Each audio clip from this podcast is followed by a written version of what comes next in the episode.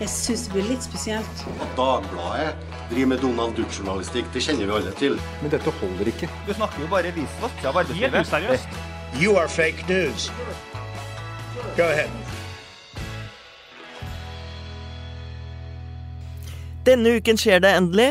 Vi skal til Frankfurt. Vi har satt oss på toget. Mette-Marit leder an. Og Norge skal være æresgjest på verdens største bokmesse. Og dette er så stort at vi kan nesten ikke få sagt det. Det blir kalt OL i kultur. Og laget som er med Mette-Marit på dette toget, det er VM-laget i bokskriving og andre ting. Det er, ikke, det er ikke bare forfattere som er med. Men eh, dere har da hørt eh, Dere vet alt om eh, hvor Mette-Marit har kjørt, kjøpt kjolen sin. Men eh, vi i Kulturavisa Dagbladet skal gå inn til kjernen av det dette faktisk handler om. Kultur og selge masse, masse bøker. Masse, masse Ja. bøker skal Og vi se. med meg her i studio har jeg da de som er eh, eksperter på dette her. Eh, kulturredaktør Sigrid Hvitsten og bokansvarlig Marie Kleve. Og først, Sigrid. Hvor, hvor viktig og stort er Frankfurt å Altså- være æresgjest der? Ja, dette her er verdens aller største bokmesse. Det er 300 000 besøkende, 7000 utstillere og 10 000 journalister. Så du kan bare tenke deg hvor eh, mye buzz det er i Frankfurt akkurat nå. Norge sender en delegasjon som omtrent er like stor som hele messa. Eh, Og vi har jo hovedpaviljongen og gjeste... Altså, ja, vi er på en måte gjesteredaktører for det hele, da. Eh, og det er jo klart at det skaper en ganske stor bøss rundt eh, norsk litteratur. Ikke bare i Frankfurt, men også her hjemme, da, som jeg tenker også er litt viktig. Det vil jeg si. Mm. Men uh, det er jo svært. Altså, ofte så får man jo inntrykk av på sånne internasjonale greier hvor Norge får heder og ære, så er det liksom viser seg at det er nordmenn som er mest opptatt av det. Men men jeg leste at i fjor, da Frankrike var æresgjestland, så kom liksom Var det toppmøte på bokmessa mellom Macron og Angela Merkel. Så det er liksom eh, Det er øverste klasse, dette her. Altså, det er jo øverste klasse som eh, er der fra Norge i dag. ikke sant? Statsministeren er nede i Europa, kulturministeren, kronprinsen og kronprinsessen. Og selvfølgelig kremen av norske forfattere og egentlig hele kultur- og litteratureliten. Så vi kan bare tenke hva som hadde skjedd hvis det flyet hadde falt ned, eller toget hadde krasja da. Det er derfor de tar, det er derfor de tar, eh, det er derfor de tar tog. Hvert sitt tog, da. Ja, Men dette er ikke noe, det er ikke noe smågutter og jenter som reiser ut i Europa. Det er Knausgård, Jo Nesbø, Maja Lunde selvfølgelig, Jan Erik Vold, Åsen Seierstad, Erik Fossnes Hansen, Vigdis Hjorter og Jacobsen, Simon Stranger, Marta Breen, Lars Saabye Christensen osv. osv. Um, jeg tror ikke det var ett navn jeg ikke kjente der. Eh, Marie Kleve, er det, er det bare topplaget som får lov til å reise til Det er, jo, det er jo kremen, som nevnt. Det er, altså, det er jo eh, forfattere som, eh, som man har tro på at kan komme til å selge i utlandet. Det er jo åpenbart. Eh, Men det er jo også tydelig at det er en stor variasjon blant de som har blitt plukket ut. Altså, det er vanskelig å finne fram til noen sjangere som ikke er representert. Du har, du har selvfølgelig krimmen, også vanlig skjønnlitteratur, poesi, barnebøker, sakprosa. Eh, altså det er, det, er, det er stort sett alt mulig. Uh, Det jeg har lagt spesielt merke til, er at det er en satsing på samisk litteratur som de drar ned på paviljongen. Og det er jo litt spennende da, at de faktisk uh, inkluderer litt mangfold i det norske. Det, det er veldig bra, fordi vi er ikke så mangfoldige ellers at vi gjør noe. Men, men det, vi har jo fått med oss liksom at den store trenden for noen år siden i hvert fall altså, Jo Nesbø er selvfølgelig fortsatt svær, og mange krimforfattere selger mye. Men nå er det kanskje fokus på litt andre Ja, altså Sjangere. Nordic noir, som det ble kalt, det var jo kjempesvært for, eh, for en del år tilbake. Altså kanskje mm, opp ti år siden. Eh, mens nå har, jo, nå har jo Maja Lunde kommet, f.eks., og det har blitt en eh, oppsving rundt en del av andre typer bøker. Men, eh, men det tyske markedet har jo egentlig vært åpent for ganske mye forskjellig norsk litteratur i, i årevis. Helt siden Jostein Gaarder slo igjennom på 90-tallet, så, så start, han startet jo på en måte ballet, og ikke minst i Tyskland som, har vært, som har vært veldig interessert i norsk litteratur ganske lenge. Ja, for Jostein Gaarde var jo virkelig Det er jo rart å tenke på nå, for nå syns vi liksom at vi er litt verdensmestere i litteratur, og vi har Knausgård som ble anmeldt i New York Times og sånn. Mm. Eh, men eh, da han var på bestselgerlistene i England på, eller Storbritannia på 1990-tallet, så var jo det liksom en sjokk sjokkopplevelse. Ikke bare for nordmenn, men for også for engelskmenn og briter. Men da var det ganske sånn amatørmessig opplegg. De reiste ut i verden. Ja, så Han var jo den første, men siden så har vi jo særlig, særlig, de siste årene så har det jo vært oppslag på oppslag om priser og salgsstatistikker og osv.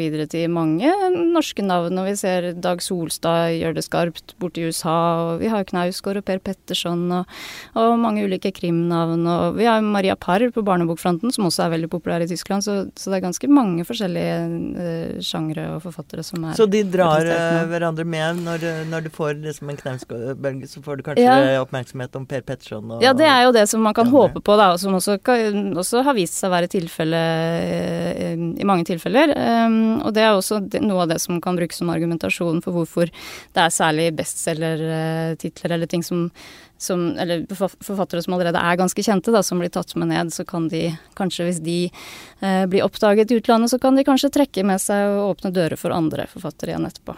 Men så er det ikke bare bestselgerne også. Det er jo kanskje, eh, som jeg har sett på listen her, så er det jo også forfattere av bøker som kanskje er litt sånn særnorske. Mye natur og skog. Det var en del eh, ulv og, ulv og, og Lars Mytting med veden sin, selvfølgelig. Ja, ja, og det er, ikke sant, Tyskerne er jo også glad i denne delen av Norge, da. Så mm. det er åpenbart at de håper på å finne si, liksom, Forstørre den nisjen, da.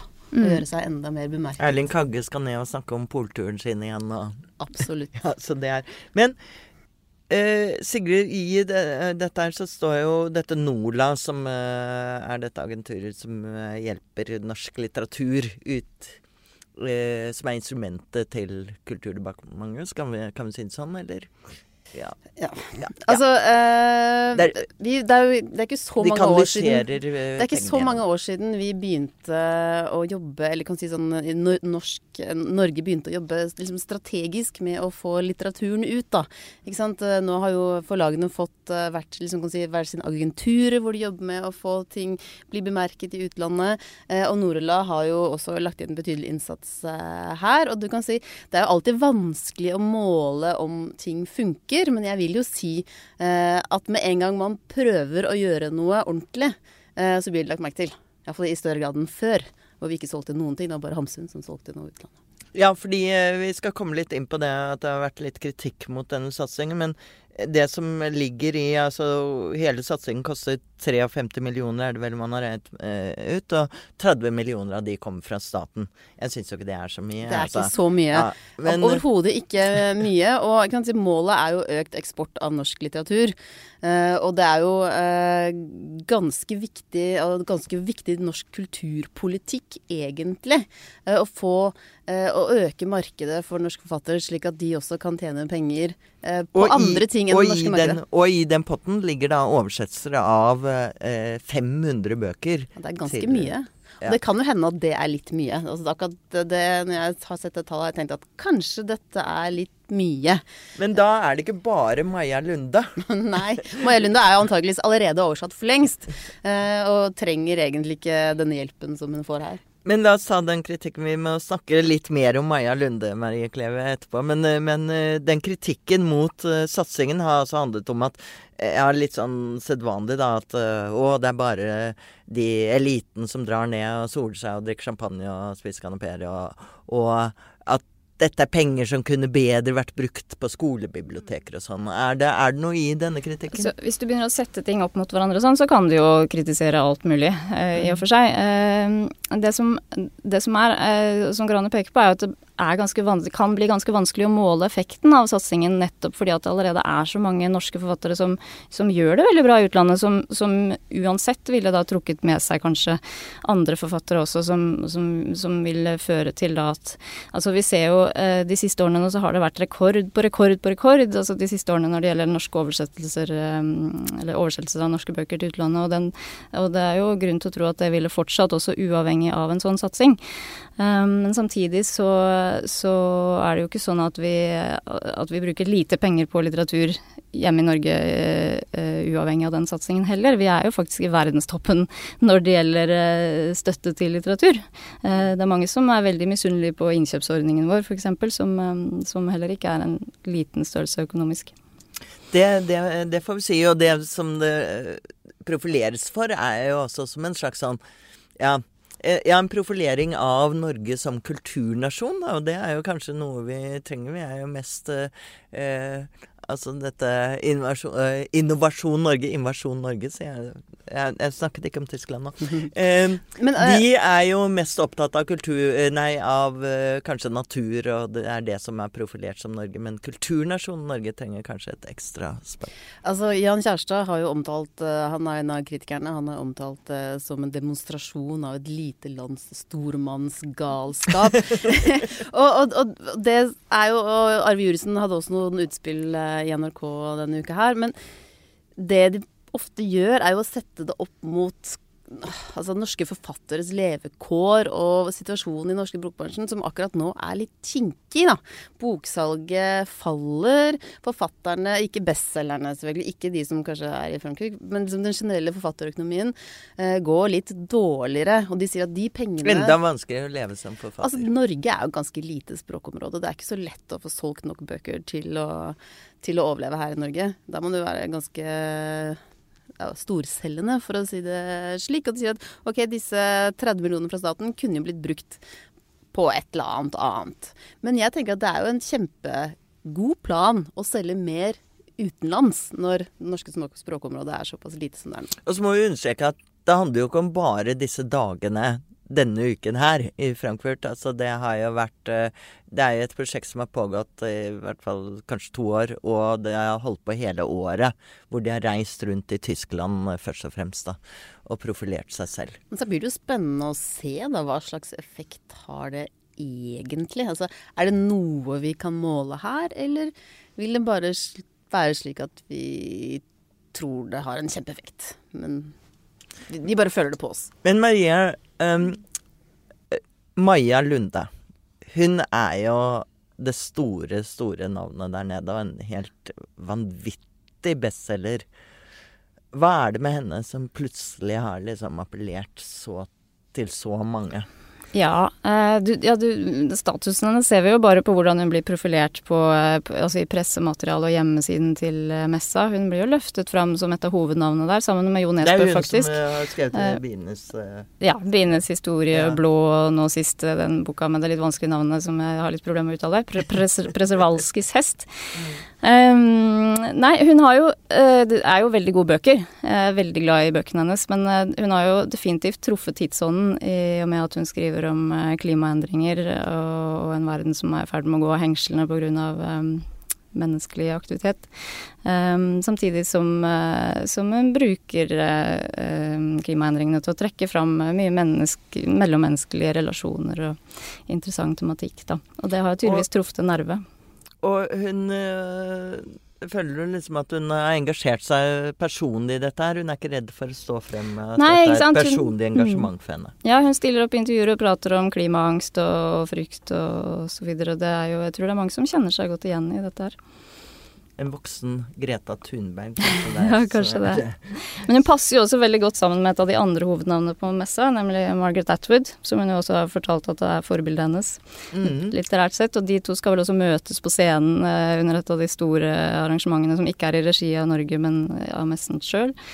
Så det, det kan For jo bli spennende. For det er litt sånn risikosport. Uh, syns jeg leser av og til i anmeldelser og omtaler og slike ting. Og det å vise et personlig engasjement. Og Margaret Atwood blant annet, som var jo en av favorittene til å få eh, nobelprisen, hun var jo liksom kritikeren hennes var litt sånn ja, nei, hun er jo først og fremst en veldig engasjert forfatter. det, det, kan man si om Peter Hanke også. det kan man stryke Det er jo morsomt hvordan det skal være degraderende på et vis, ja. ja. Men, det, det, men det trenger jo absolutt ikke å være det når det gjelder salg. Men det er kanskje noe med det, det også som gjør at det kan bli, oppleves som litt suspekt i, i øynene hos Ja, når man skal dele ut priser og sånt, da, fordi det nettopp det engasjementet er det som gjerne er med og trekker opp salget av en bok. Og så blir det sett, sett i en motsetning til det som som handler mer om uavhengig kvalitet og den slags. Men hva er det som er oppskriften på å få en bestselger? Kan dere si dem? Nei. Eh, men jeg, men jeg eh, tenker jo at Ja, nei, dette var, det var ikke et veldig helt Jeg, ven, jeg Du vet forventer at Hvis vi hadde hatt den oppskriften, så hadde vi ikke vært her. Da hadde vi sittet hjemme og handlet i et løs I et lite kott på Hasle. men, eh, men jeg venter ikke et helt presist eh, svar. Men det som slår meg, er jo at uh, Knausgård har selvfølgelig vært en enorm suksess. Og han har drevet og skrevet i detalj om hva som foregikk i oppveksten hans i lille Arendal. Mens Maja Lunder nettopp på en måte gjør det som jeg tenker er lurt hvis du skal skrive en internasjonal bestselger. Hun har plassert personene sine i forskjellige deler av verden. Jeg tenker kanskje Knausgård har tatt noe veldig nært og gjort det universelt. Og så har Maja Lund tatt noe universelt og gjort det nært. Ja, det tror jeg er en bra beskrivelse. Du hadde et presist svar på dette, Sigrid Hvitsten. Tenk det. Nei, Men begge to har jo på en måte vært eh, eh, i start, startet eller vært i startgropa på en, det som har blitt en trend da, internasjonalt. Eh, enten det har vært bevisst eller ikke. Med Knausgård var det kanskje spesielt overraskende at det skulle bli sånn. Mens Maja Lunde har mer truffet den tidsånden, da. Ja, at det er det, det den skjer. Men uh, Tyskland, uh, til slutt at Tyskland er et veldig viktig marked, selvfølgelig fordi det er så enormt svært. Tyskland er det markedet som er Men viktigst er liksom- for Norge ja. utover Norge. Men det er et lokomotiv i hele Europa. Ja. Eh, altså De andre landene ser også på hva som skjer i Tyskland? Det tyske markedet er vel det nest største bokmarkedet i verden etter det engelskspråklige, som jo selvfølgelig er det store, lukrative markedet å komme inn på, men det er veldig vanskelig å, å, å komme inn på for, for norske forfattere. Eh, kanskje også fordi at det tyske er litt mer sånn internasjonalt orientert i utgangspunktet. Det er, litt, det er lettere å få innpass, og så blir det en veldig fin inngangsport for, eh, for uh, verden for øvrig, når man først får en fot innafor der, da. Til slutt eh, trenger vi Mette-Marit som en slags sånn frontfigur. Gallions, eh, Gallionsfigur. Ja, De elsker henne jo i Tyskland. De elsker henne, så hvorfor ikke? Alt som kan skaffe oppmerksomhet, er bra, tenker jeg. Takk skal dere ha, Sigrid Witzen og Marie Kleve. Nå får dere følge med i avisene, så kommer det nok enda mer bokstoff, og ikke bare om eh, klesdrakten til Mette-Marit. Dette var en eh, ekstrabonus fra kulturavisa Dagbladet om, om eh, Frankfurt, og hvor Norge da er æresgjest denne uka.